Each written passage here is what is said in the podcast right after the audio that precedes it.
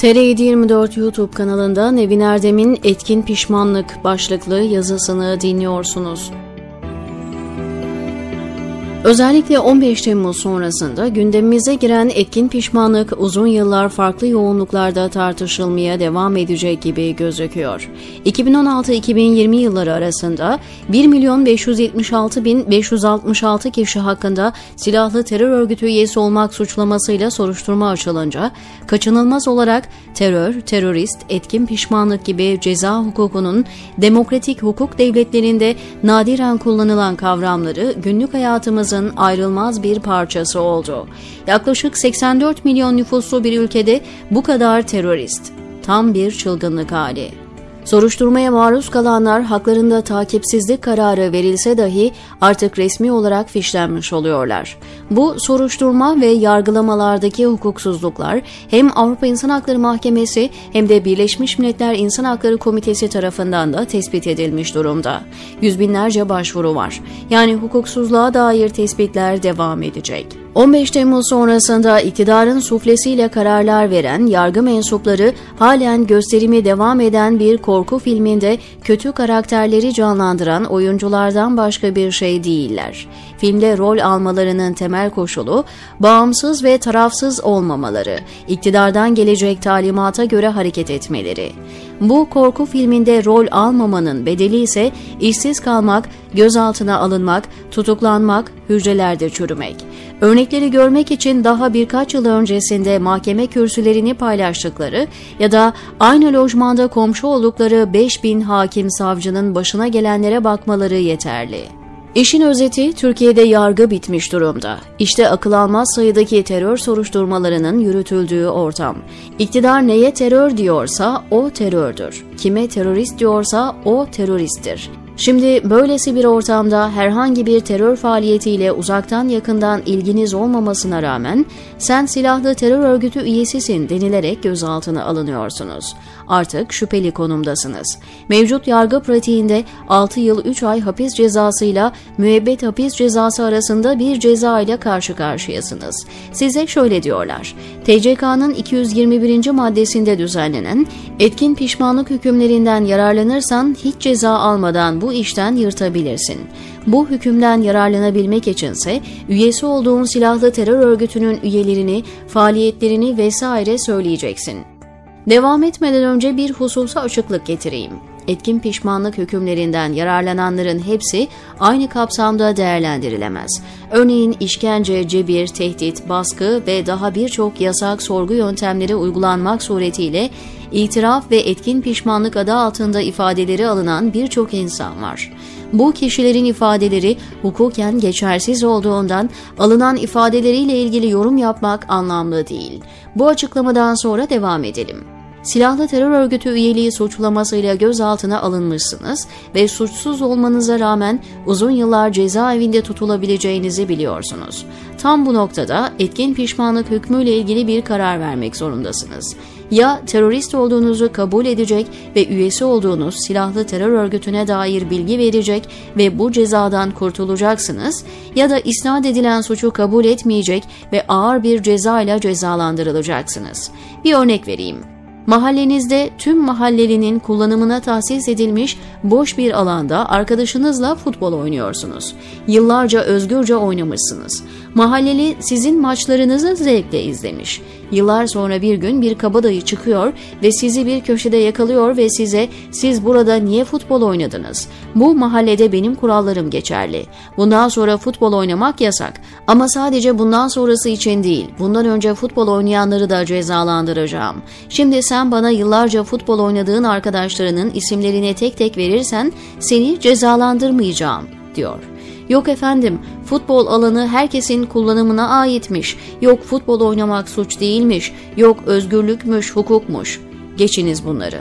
Bunlar makul düşünme yeteneğini kaybetmiş kabadayının umurunda değil ki. Kabadayı kafasına koymuş bir kere. O sahada futbol oynayanları cezalandıracak. Türkiye'de yaşanan tam da bu. Bir grubu, örneğin cemaati, sevip sevmemek ya da nefret etmek farklı bir şey, onu terör örgütü olarak adlandırmak farklı bir şey. Bir yapının terör örgütü olarak kabul edilmesi için uluslararası hukuk kuralları var. Öyle kafanıza göre bir grubu terör örgütü ilan edemezsiniz. Buna bağımsız ve tarafsız mahkemelerin kararı gerekir. Aksi geçerli olsaydı ortalık terör örgütü ve teröristten geçilmezdi. Tüm muhalifleri terörist ilan etmek, otoriter iktidarın olağan yönetim tarzının tipik bir görünüm şekli. Avrupa İnsan Hakları Mahkemesi en son Nazlı Ilıcak kararında cemaate ait bir kurumda çalışmanın terör faaliyeti olarak kabul edilemeyeceğini söyledi. Avrupa İnsan Hakları Mahkemesi bu kararı vermeseydi de bu böyleydi zaten. Yasal olarak faaliyetine devam eden bir kurumda çalışmak kimseyi terörist yapmaz. Aynı şekilde halı sahada birileriyle futbol oynamak, bir pastanede birileriyle buluşmak ve sohbet etmek, bir evde birlikte kalmak gibi faaliyetler de bir kimseyi terörist yapmaz. Yaptığınız faaliyetin içeriği suçsa işte o zaman ceza hukuku kavramları devreye girer. Siz etkin pişmanlıktan yararlandığınızda öncelikle ben teröristim diyorsunuz. Söyler misiniz bana bir dönem içinde bulunduğunuz gruba girerken bu grubun silahlı terör eylemleri gerçekleştirmek amacıyla kurulan bir örgüt olduğunu biliyor muydunuz?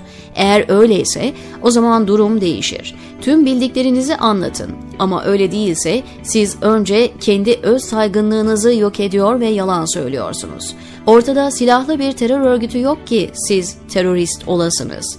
Eğer konu Gülen hareketi ise 15 Temmuz öncesinde iktidar dahi bu gruba silahlı terör örgütü demiyordu, diyemiyordu. İktidar 15 Temmuz'u Gülen hareketini terör örgütü olarak ilan etmeye bahane olarak kullandı. 15 Temmuz'un planlayıcılarının ve faillerinin kim olduğu ayrı bir yazının konusu. Ancak şurası kesin ki 15 Temmuz'a dair özel bir bilgisi bulunmayan kişinin 15 Temmuz öncesi hiçbir eylemi o kişiyi terörist yapmaz. Bunu ben demiyorum. Türk Ceza Hukuku diyor, Avrupa İnsan Hakları Mahkemesi diyor, Birleşmiş Milletler diyor, uluslararası saygın insan hakları örgütleri diyor.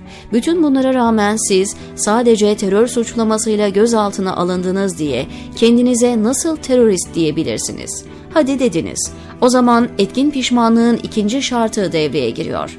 Birlikte bir dönem vakit geçirdiğiniz arkadaşlarınıza da terörist diyeceksiniz. Herhangi bir silahlı terör eylemine dair en ufak bir bilgi ve görgüsü olmayan arkadaşlarınıza.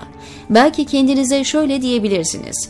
Ben onlara terörist ya da suç işlediler demedim. Ben sadece birlikte futbol oynadığım arkadaşlarımın ismini verdim. Zaten bazılarının isimleri de biliniyordu.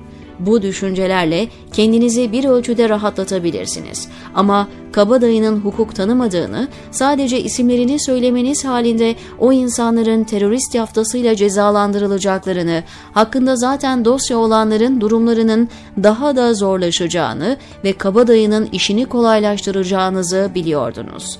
Kendinizi rahatlatmak için girdiğiniz bu çamurlu yolda gerçekleştirdiğiniz eylemin ağırlığını inkarla rahatlayamazsınız. Sadece kendinizi kandırırsınız. Kendinizi ben zaten futbol oynadığım kişileri sevmiyorum. Futbol oyunundan nefret ediyorum. Futbolun oyun olmaktan çıkarılması gerektiğini savunuyorum diyerek de rahatlatamazsınız. Suç oluşturan bir eylem yoksa insanlar eylemlerinde özgürdür. Siz de özgürsünüz. Bir daha o mahalleye uğramayabilirsiniz. O mahalleyi ve mahalleliyi sert bir şekilde eleştirebilirsiniz. Ama eski dostlarınızı acımasız bir kabadayının merhametsizliğine teslim etmek bambaşka bir şey. Amacım etkin pişmanlıktan yararlanan insanları rencide etmek değil. Sosyal medyada etkin pişmanlıktan yararlandığı iddia edilen kişilere yönelik linç denebilecek ithamları yanlış buluyorum. Süreç devam ediyor. Ne suçlanılan insanların neyi, ne kadar, niçin yaptıklarını biliyoruz, ne de suçlanılan insanların savunma imkanlarının tam olarak var olup olmadığını biliyoruz. Kişiler hakkında yanlış kanaat oluşturmaya müsait bu tür ithamlar aynı zamanda bir bir insan hakkı ihlalidir. Ayrıca öylesine ağır bir süreçten geçiyoruz ki maruz kalınan hukuksuzlukların kimin psikolojisini ne kadar etkilediğini ölçmek mümkün değil.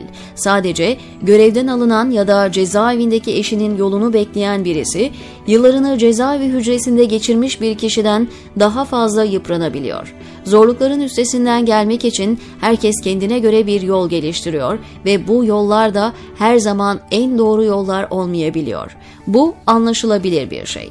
Anlaşılabilir dediğim şey bunun sizin tercihiniz olması.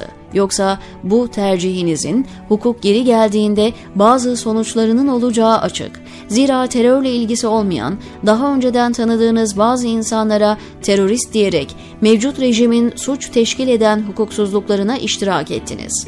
Somut dosyadaki durumunuza bağlı olarak bu eyleminizin iftira ve insanlığa karşı suç kapsamında değerlendirilmesi gerekir.